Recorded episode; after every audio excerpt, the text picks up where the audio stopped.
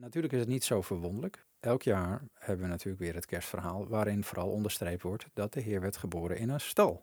En hij werd gelegd in een voerbak waar herdertjes en wijzen samenkwamen. Beetje stro, een beetje sneeuw erbij, schameldakje erboven, hè, wat schaapjes en koetjes eromheen, eventueel een kameel. Doet het altijd goed. Een podcast voor kerkgangers, kerkverlaters en kerkelozen. Hagebreken. In een onzekere wereld waarin veranderingen elkaar versneld opvolgen en ons samenkomen, zingen en beleven steeds vaker onder druk komt, is een bijbelse koershouder een must en een kompas. Tuurlijk, het is jouw leven, het is jouw schip, maar de beste stuurlui, die hebben een loods. Mijn naam is Benaya en ik vaar graag een handje met je mee. Hi, fijn dat je weer luistert naar Haagpreken. Dit keer duiken we meteen maar weer in in het onderwerp waar we vorige keer zijn gestopt. Als je nieuw bent bij Haagpreken, we hebben net een seizoen achter de rug waar we rentmeesterschap onder de loep namen. Ik noem het nog, toch maar nog maar een keertje. Voel je vrij om even te browsen door de analen van deze podcast, mocht je benieuwd zijn naar de ins en outs hiervan. Ik kreeg wat verzoekjes om, uh, ik noem dat maar even de Haagpreken restantjes, om wat toe te voegen. En dat zijn wat meer praktische zaken rondom rentmeesterschap en dan specifiek met betrekking tot het leren leven om te geven. We keken al eventjes in de voorgaande afleveringen hoe we de eerste geloofstapjes van het leren loslaten van je financiën, hoe je die kan nemen. En we hebben al een aantal vragen rondom de veelbesproken tiende bekeken. Uh, vooral ook hoe dit onmogelijk bij ons dichtgetimmerd kan worden. Maar dat desondanks het principe achter de tiende wel heel waardevol kan zijn als je wilt leren uitstappen in geloof om anderen tot zegen te zijn. En we keken naar de sleutel natuurlijk hierin, ons grote voorbeeld, hoe de Heer Jezus onder ons leefde. Want dat laat zien hoe we in die vrijheid van geven kunnen komen. We zagen ook dat het beeld van de Heer Jezus, wat hij neerzette, nogal afweek van de, nou ja, wat de religieuze gemeenschap uh, mensen had voorgespiegeld. En laten we wel wezen, feitelijk is dat nog steeds wel een beetje zo. We zijn vaak niet veel anders als christelijke gemeenschap. Ook wij zijn geneigd om te vervallen in dezelfde absolute waarin de religieuze gemeenschap van toen ook verviel. En dat is mens eigen. Iedere denominatie en elke stroming heeft zo zijn vastgemetselde denkbeelden omtrent God. Dat is nou eenmaal zo. Favoriete karaktereigenschappen die we koesteren of belangrijke rollen die hij vervult in ons leven. Dat viel me als kind al op. Ik ben opgegroeid in een redelijk christelijk pluriform milieu, zeg ik altijd. Ik had vriendjes uit de Gergem, de vrijgemaakte gemeente, evangelische groepen, zelfs een katholiek buurjongetje. En later kwam het gros ook nog eens samen op een interkerkelijke tiener- en jeugdgroep. En dat heb ik zelf altijd heel erg rijk gevonden. Zo leer je elkaar kennen, je leert elkaar waarderen over de kerkmuren heen. Maar tegelijkertijd was het ook al heel vroeg een eye-opener naar de verschillende opvattingen, het beleven en het geloven onderling. En zo kende mijn buurjongetje vooral een wat, nou, misschien een wat trieste Jezus aan het kruis, hè, vanuit zijn katholiek zijn. Waren degenen die wat meer traditioneel georiënteerd waren, vooral erg bewust van God als rechter. Terwijl dan de evangelische jongens er juist weer een hele amicale omgang met God op nalijken te houden. Allemaal heel verschillend, stuk voor stuk, godsbeelden. Wanneer geïsoleerd waren genomen, zou ik maar zeggen, waren die heel erg bepalend voor hoe ze stonden in hun geloofsleven. En maar weinigen lijken daar in hun latere leven ook een nuance in te hebben kunnen brengen. Of misschien is nuance niet het goede woord. We weinig kregen een breder of een meer uitgebalanceerd beeld van God. Je blijft toch vaak bij wat je geleerd is en wat je hebt meegekregen. En de eerste indruk van God blijft vaak de grootste nadruk houden in je geestelijk leven. Dat lijkt tenminste zo. Nou, natuurlijk kan dat een kracht zijn, hè, voor sommigen misschien zelfs een behoud. Maar het kan ook een beperking zijn om meer te ontdekken van het totale karakter en de gehele werkwijze van God als je opgroeit in zijn koninkrijk. En zo merk je ook dat de indruk, het beeld dat je meekrijgt met betrekking van wie Jezus is en hoe hij leefde onder ons hier op aarde, bepalend is voor hoe je in je rentmeesterschap staat. Dat klinkt je misschien nog wat vaag in de oren, maar ik ga het iets concreter voor je maken. Om meteen maar even de heilige koe bij de oren te vatten. Um, wat betreft het geven en de welwillendheid van de Heere God om zijn kinderen te voorzien van wat zij nodig hebben, kom ik met name in, in kerkelijke groepen hier in Nederland behoorlijk wat vastgeroeste ideeën tegen. En een van die overtuigingen is dat onze Heer Jezus zelf nou, toch wel redelijk arm was toen hij onder ons leefde. Tenminste, tegenwoordig zijn er natuurlijk ook mensen die beweren dat Jezus juist heel rijk was. Wordt ook heel populair, die leer. Daar zal ik misschien ook nog wel even op ingaan. Maar over het algemeen neigen mensen toch wel de indruk te hebben dat Jezus niet zoveel om handen had. Nou, Maakt dat uit? Vraag je misschien af. Ja, dat maakt uit. Want de discipel staat niet boven zijn meester, zei de Heer Jezus. Dus als hij nauwelijks rondkwam, ja, wat zegt dat dan over ons? Natuurlijk is het niet zo verwonderlijk dat mensen die indruk krijgen, want elk jaar hebben we natuurlijk weer het kerstverhaal waarin vooral onderstreept wordt dat de Heer werd geboren in een stal. En hij werd gelegd in een voerbak, waar herdertjes en wijzen samenkwamen in die winterkou. Beetje stro, een beetje sneeuw erbij, schameldakje erboven, hè, wat schaapjes en koetjes eromheen, eventueel een kameel. Doet het altijd goed. Ehm, het creëert een onoverkomelijk gevoel van, ah, wat zielig. Dat sentiment. Nou heb ik in de voorgaande afleveringen alles uitgelegd dat het beeld misschien wel heel anders zit. En dat het aannemelijk is dat de Heer Jezus geboren werd in een hele andere tijd. Sowieso niet 25 december, dat is al heel duidelijk. Uh, zijn de meeste theologen het ook over eens. Maar dat hij geboren werd tijdens het Loofhuttenfeest. En dat schept een heel ander beeld, want het zou heel goed kunnen zijn dat hij in een zogenaamde loofhut is geboren in plaats van een stal. Vooral ook omdat de stal nergens wordt genoemd in de Bijbel, enkel de kribbe. Daar destilleren we dan een stal uit. Maar het woord kribbe betekent natuurlijk voerbak. Voerbak is voor vee. Maar een voedselbak, ja, dat was ook de bak waarin het brood werd gelegd tijdens het Loofhuttenfeest. Dus dat zou inderdaad ook wel een heel mooi plaatje zijn. Het levende brood uit de hemel neergedaald, zoals de Heer Jezus naar zichzelf refereert, werd dan gelegd in een broodbak. In de plaats Bethlehem, wat letterlijk betekent broodhuis. Dat is een prachtig plaatje. Nou voert het een beetje te ver om je mee te nemen de hyperinteressante details van dat uh, Loofhuttenfeest en hoe dat precies zat en hoe het gebaseerd zou kunnen zijn. Ook de datum waarop hij geboren is, waarschijnlijk 11 september 3 voor Christus. Ehm, hoe dat gerelateerd is aan openbaring 12. Ik zal het allemaal eventjes verwijzen in de footnotes, want dat is een studie op zich. Erg interessant. Hoe dan ook, Misschien zeg je, ja, stal, loofhut, de rest ademt toch wel een zekere dakloosheid uit, toch?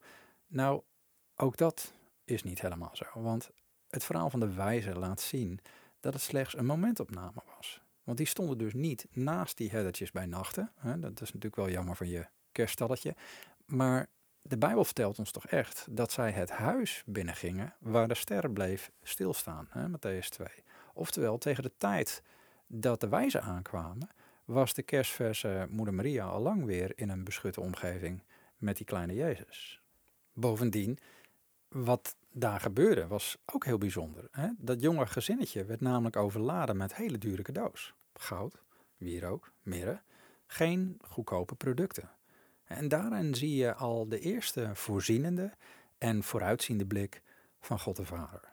Want niet lang daarna moesten ze namelijk vluchten naar Egypte waar ze een tijd lang moesten blijven totdat het weer veilig was om terug te gaan naar Israël. En we weten niet precies voor hoe lang dat was, maar ja, dat goud van de wijze kwam beslist op het juiste moment voor zo'n reis en een lange verblijf in het buitenland. En daarmee is overigens niet gezegd dat Jezus uh, opgroeide in een rijk gezin. Jozef en Maria waren duidelijk ook wel van de arme tak, want um, ze namen hem mee naar Jeruzalem, staat in Lucas 2. En daar brachten ze een offer, wat helemaal conform de wet van Mozes was. Een typisch offer voor de armen. Hè? Twee tortelduiven en twee jonge duiven. Precies zoals Leviticus 12 het aangeeft. En dus voor een ieder die de stal en de barre winterkou nog in het hoofd galmt, ja, bevestigt dat wel een beetje het beeld van armoede voor Jezus. En vaak wordt, als mensen dat ook willen onderstrepen, van nou, daar heb je het dus, wordt ook nog eens gezegd, een klassieke dooddoener uit Lucas 9. Vossen hebben holen, vogels in de lucht hebben nesten, maar de zoon des mensen heeft niets waarop het hoofd neergelegd kan worden. Nou, misschien ken je die bekende tekst wel. Ook weer zo'n waarheid als een koe. Het lijkt dat Jezus duidelijk geen plek had om zijn hoofd neer te leggen, dus hij was arm. Toch? Nou, in vergelijking met alle voorspoedspredikers uit binnen- en buitenland en hun grote huizen lijkt het contrast heel erg groot. Want als je die tekst zou uitvergroten, dan moet je de conclusie echt wel trekken: Jezus had niet eens een huis. Maar mensen die Hagenpreken podcast al wat langer luisteren, weten dat het goed is om alles in de juiste exegetische context te blijven bekijken. Om te voorkomen dat je zelf bijbeltje prik gaat doen. En doe je dat, dan ontdek je dat het verhaal niet met een losse tekst begint. Een aantal versen eerder lezen we dat Jezus op weg was naar Jeruzalem en daarbij een stop moest maken in een Samaritaans dorp. Nou, nu was het zo dat het niet bepaald boterde tussen Samaritanen en Joden, dat was al zo. Maar de weerzin tussen deze twee broedervolken, die loog er niet om. De gelijkenis van de barmhartige Samaritaan, die spreekt daarin ook al boekdelen, die ken je waarschijnlijk. Elkaar helpen was er normaal gesproken niet bij.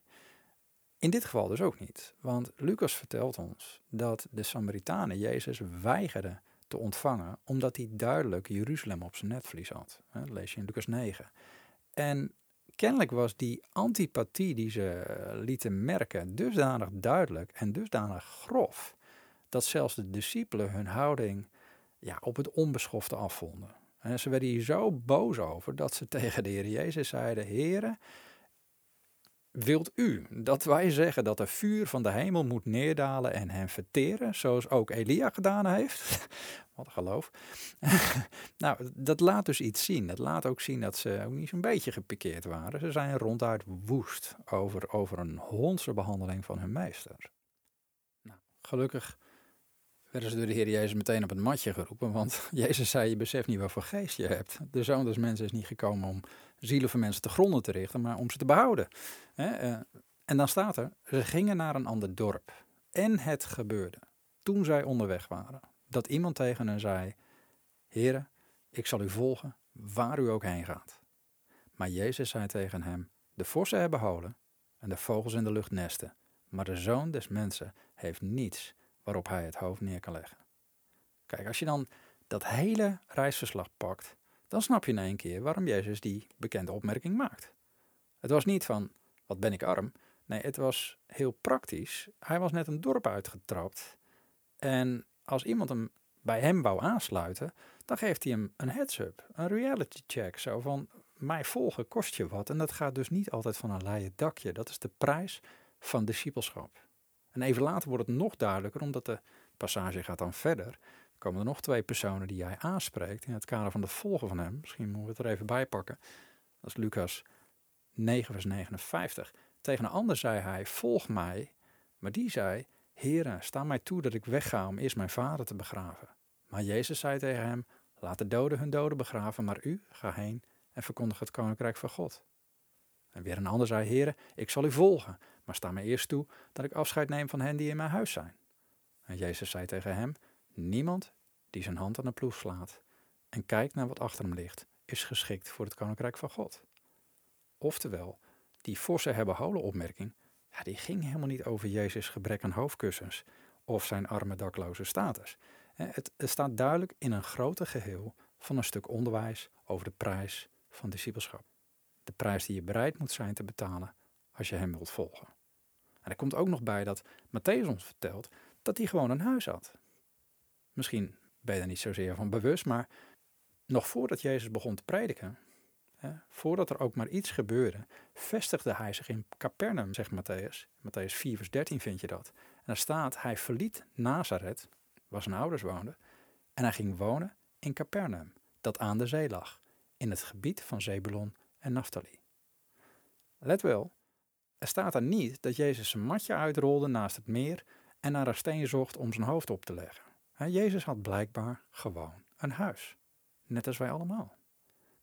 dat kan ook haast niet anders, want hij was de zoon van een timmerman. En dat was niet een meubelmaker in die tijd, dat was iemand die huizen bouwde. En dat was vroeger in Nederland trouwens ook zo, dat was ook een timmerman. Dat was meer een aannemer, zouden wij zeggen, tegenwoordig. Maar het punt is dit.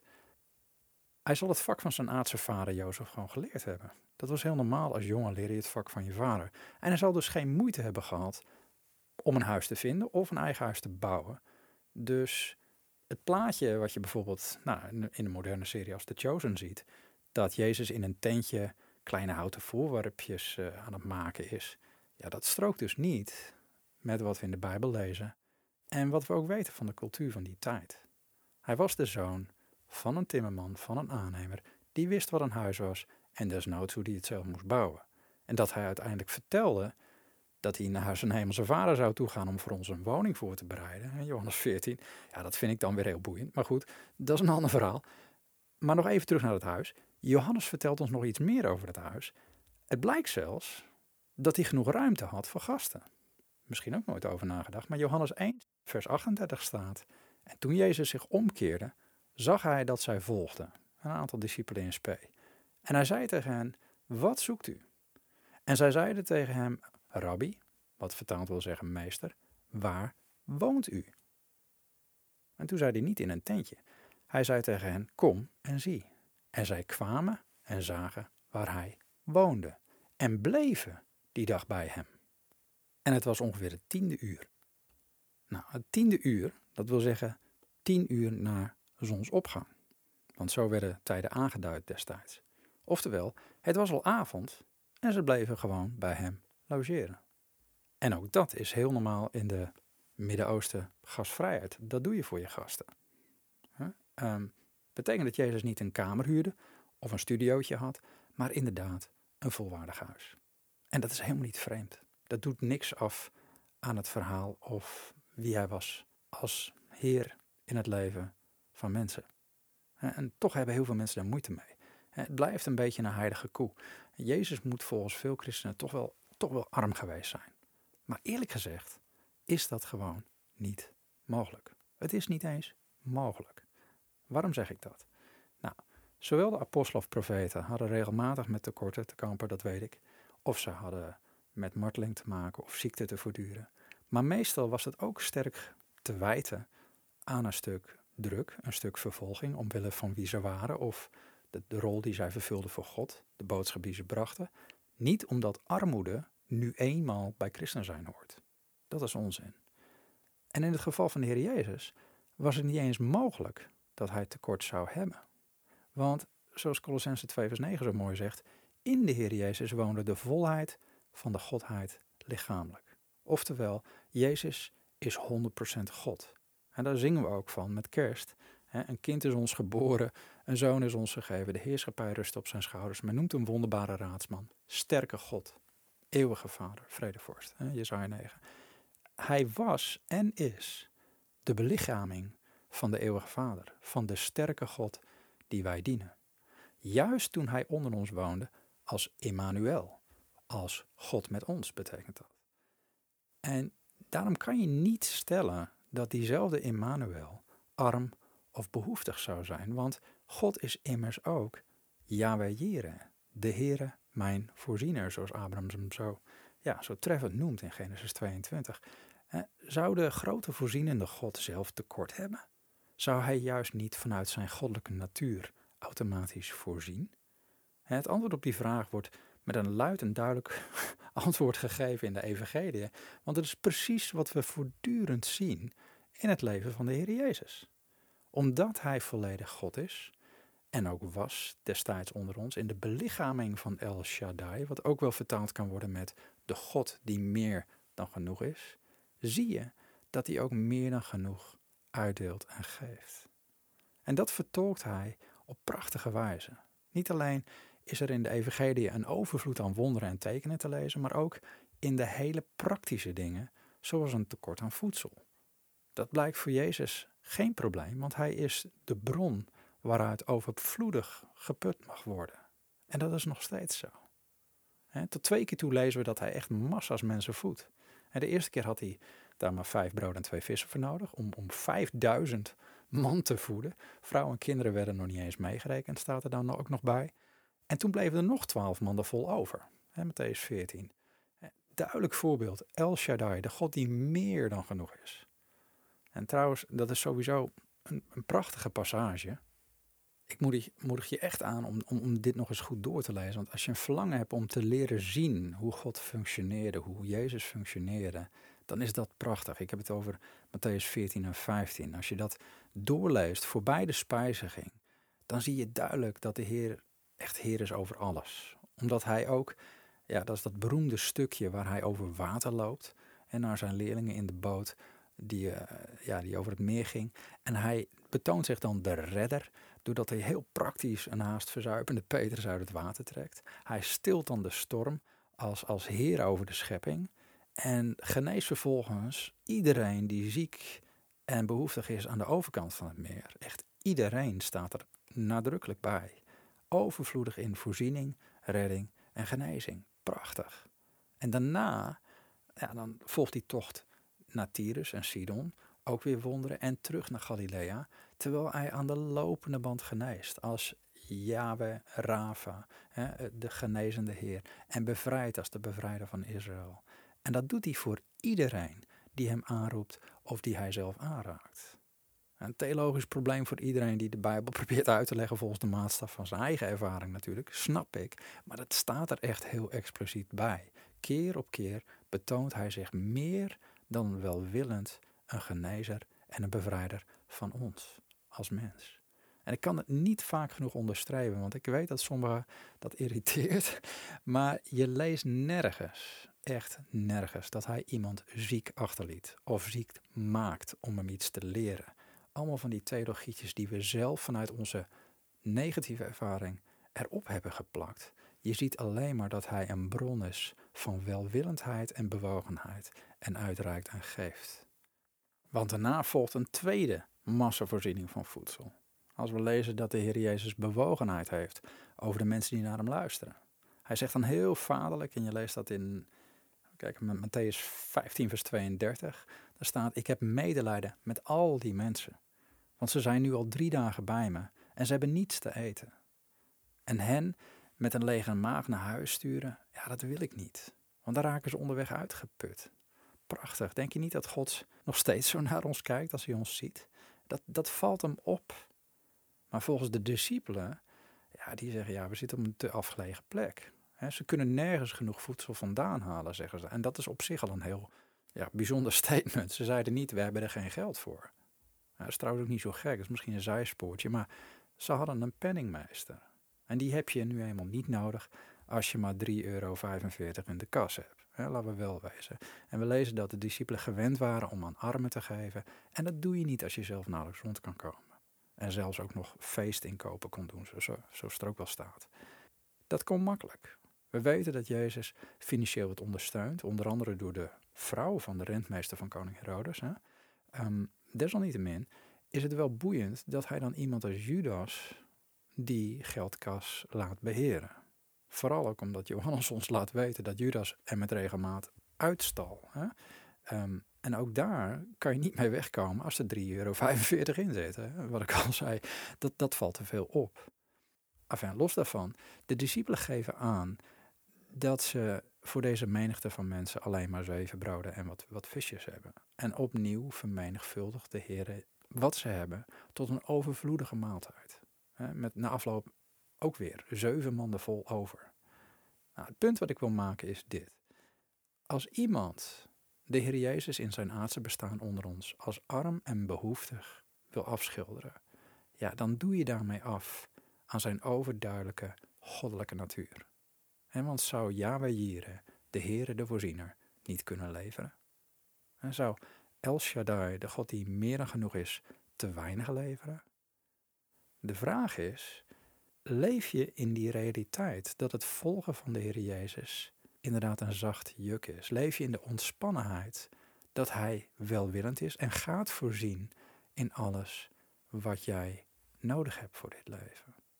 dat klinkt natuurlijk wel behoorlijk voortspoedsleerachtig voor de mensen die daar een allergie voor hebben, maar het woord zegt wel: Mijn God zal u overeenkomstig zijn rijkdom, overeenkomstig zijn rijkdom, misschien moet je hem zo lezen, voorzien van alles wat u nodig hebt in heerlijkheid door Jezus Christus. Let wel, het staat om alles wat wij nodig hebben. Niet zozeer om alles wat we maar willen hebben.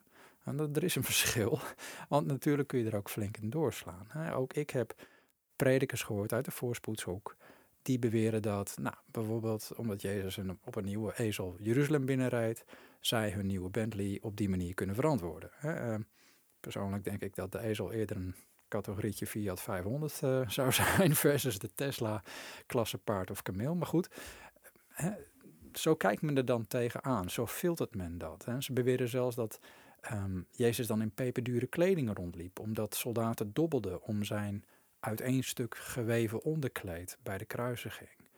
Ja, dat vind ik ook zo'n flinterdun argument. Ik bedoel, voor hetzelfde geld dachten ze gewoon, nou, ziet er goed uit, beetje zonde om te verscheuren of om als hoofdband te gebruiken.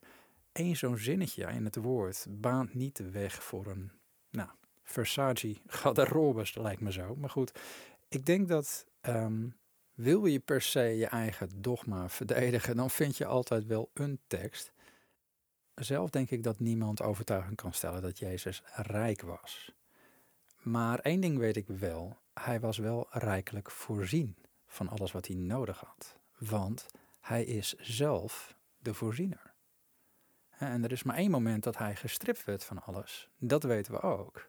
En dat is het moment dat hij, zoals er zo mooi staat, die geen zonde gekend heeft, voor ons tot de zonde gemaakt werd, opdat wij zouden worden gerechtigheid van God in hem. Hè? 2 Korinthe 25. Dat was het moment waarop, nou, zoals ook in Jezaja 53 staat, de knecht des Heren, um, dat het God behaagde hem te verbrijzelen en hem ziek heeft gemaakt. En een tergende tekst, maar dat staat er. Het moment dat betaling geëist werd, hè, staat er, en hij werd verdrukt. Dus onze bevrijdende, genezende en voorzienende Heer werd voor ons tot zonde gemaakt, ziek gemaakt, verbrijzeld en gestript van alles, naakt gekruisigd, verlaten van zijn trouwste vrienden en zelfs op het laatst van de Hemelse Vader. Wauw. Maar dat was iets wat gebeurde aan het kruis. Het was meer dan een sterven voor onze overtredingen. Ik hoop dat je dat ook ziet. Het was het volle pakket van wat ons leven draaglijk en mooi maakt en, en prettig. En alles wat, wat hij vrijwillig van zich liet strippen. Zijn relatie met de vader, zijn gezondheid, zijn lichamelijke welzijn, zijn gekleed en gevoed zijn, de relaties die hem dierbaar waren. Wauw, wat een offer. En dat voor ons. We wouden er niet eens, we vroegen er niet eens naar, we rebelleerden. En juist daarom kan God zich aan ons als vader betonen. Een vader die door het offer van zijn zoon Jezus ons wil voorzien. Hij zorgt voor ons zoals hij zorgt ook voor de bloemen op het veld en voor de vogels in de lucht. dat is ook zo'n prachtige tekst, pak ik er even bij. Ik, lees dat graag voor. Daar staat uh, Lucas 12, vers 22. Wees niet bezorgd over uw leven, over wat u eten zult, of over uw lichaam waarmee u zich kleden zult. Herken je dat? Dat je er soms zorgen over maakt, hoe gaan we dit allemaal doen? Let op de raven staat er. Zij zaaien niet, ze maaien niet. Ze hebben geen voorraadkamer, geen schuur. God voedt hen. Hoe ver gaat uw vogels te boven? Hoe ver? En als God het gras op het veld, hè, vers 28, dat er vandaag is en morgen in de oven geworpen wordt, zo bekleed, hoeveel te meer u kleingelovigen. Vraag niet wat u eten of drinken zult. Wees niet verontrust, want naar al die dingen zoeken de volken van de wereld. Uw vader weet dat u deze dingen nodig hebt. En dit is waar het om draait. Een rentmeester is zorgeloos wat dit soort aardse dingen betreft. Want als hij dit niet is, kan hij niet vrijmoedig en vrijgevig uitdelen aan anderen. Dan denkt hij alleen aan zijn eigen aan zichzelf. En dit is het tekstgedeelte waar ik telkens weer op uitkom wat ik ook mezelf voortdurend voorhoud. Zoek eerst dat koninkrijk van God en al die dingen, die zullen u erbij gegeven worden. Daar hoef je geen zorgen over te maken. Wees niet bevreesd, zegt hij, kleine kudde, want het heeft uw vader behaagd u het koninkrijk te geven. Verkoop je bezittingen. Geef je opbrengst weg als liefdesgaven. Maak je daar geen zorgen over. Maak voor jezelf beurzen die niet verslijten. Een schat die niet opraakt in de hemel, waar de dief niet bij komt en waar de mot hem niet aantast. Want waar uw schat is, zal uw hart zijn. Ik heb het vaak genoemd, die tekst, maar het vergt enige gedachte- en emotiebeheersing om te blijven op dit punt. Dat je weet, jongens, ik kan blijven geven, want ik heb een bron. Ik heb een bron. Ik heb een hemelse bron, een schat die niet opraakt. Staat niet dat je dat niet kan materialiseren in dit leven. God weet dat je het nodig hebt. Dus hij zal als bron dat ook weer voorzien als alles voor de wind gaat en inkomsten zijn min of meer gegarandeerd, ja, dan kan iedereen dit waarschijnlijk wel. Maar we leven in heftige tijden. En, en er ligt nog meer economische en gezondheidsmalaise misschien ook wel voor ons. We gaan op, op, op dingen af. Niemand weet hoe het gaat lopen. Misschien heb je het zelf al eens meegemaakt. Misschien nu al. En misschien maak je het opnieuw mee. Vooral als het water je aan de lippen staat. Ja, dan is financieel in het natuurlijke het zaak dat je dit soort woorden tot je neemt om je tot kalmte te brengen in je ziel. deze woorden van de Heer Jezus. Want de strijd is in ons denken. En je zal jezelf moeten inprenten. God is mijn voorziener. Hij is voorziener van mij, van mijn gezin, voor het betalen van mijn rekeningen, voor mijn oude dagvoorziening, voor alles. Hij is mijn bron, eeuwig en onuitputtelijk. Een bron die nooit opdroogt. En de Heer Jezus laat het zien met zijn eigen leven. Hij zegt ons, maak je geen zorgen, je bent niet van jezelf, je bent van God, je bent van de Vader. Hij weet wat je nodig hebt, hij zorgt voor jou. Je bent meer dan een mus, je bent meer dan een veldbloempje.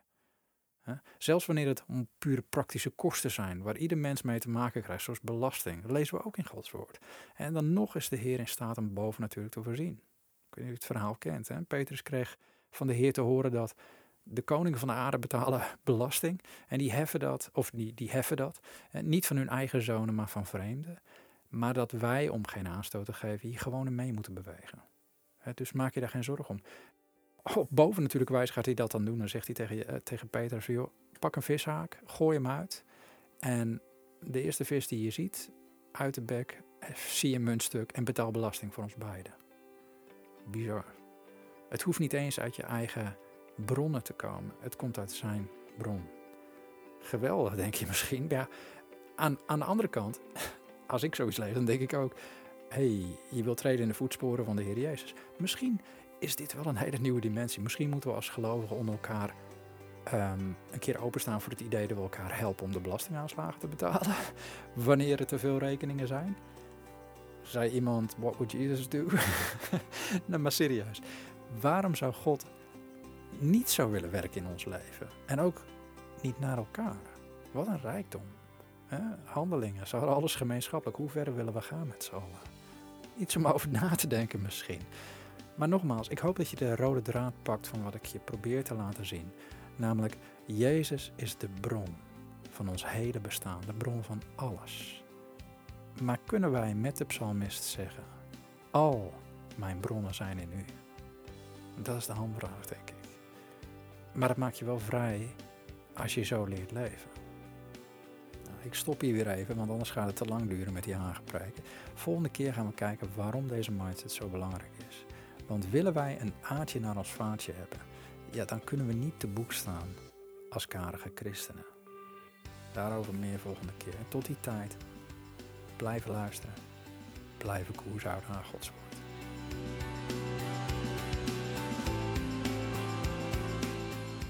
En heb je vragen, aanvullingen of opmerkingen naar deze aflevering? Schroom niet. Stuur even een mailtje naar podcast.saintcanine.com.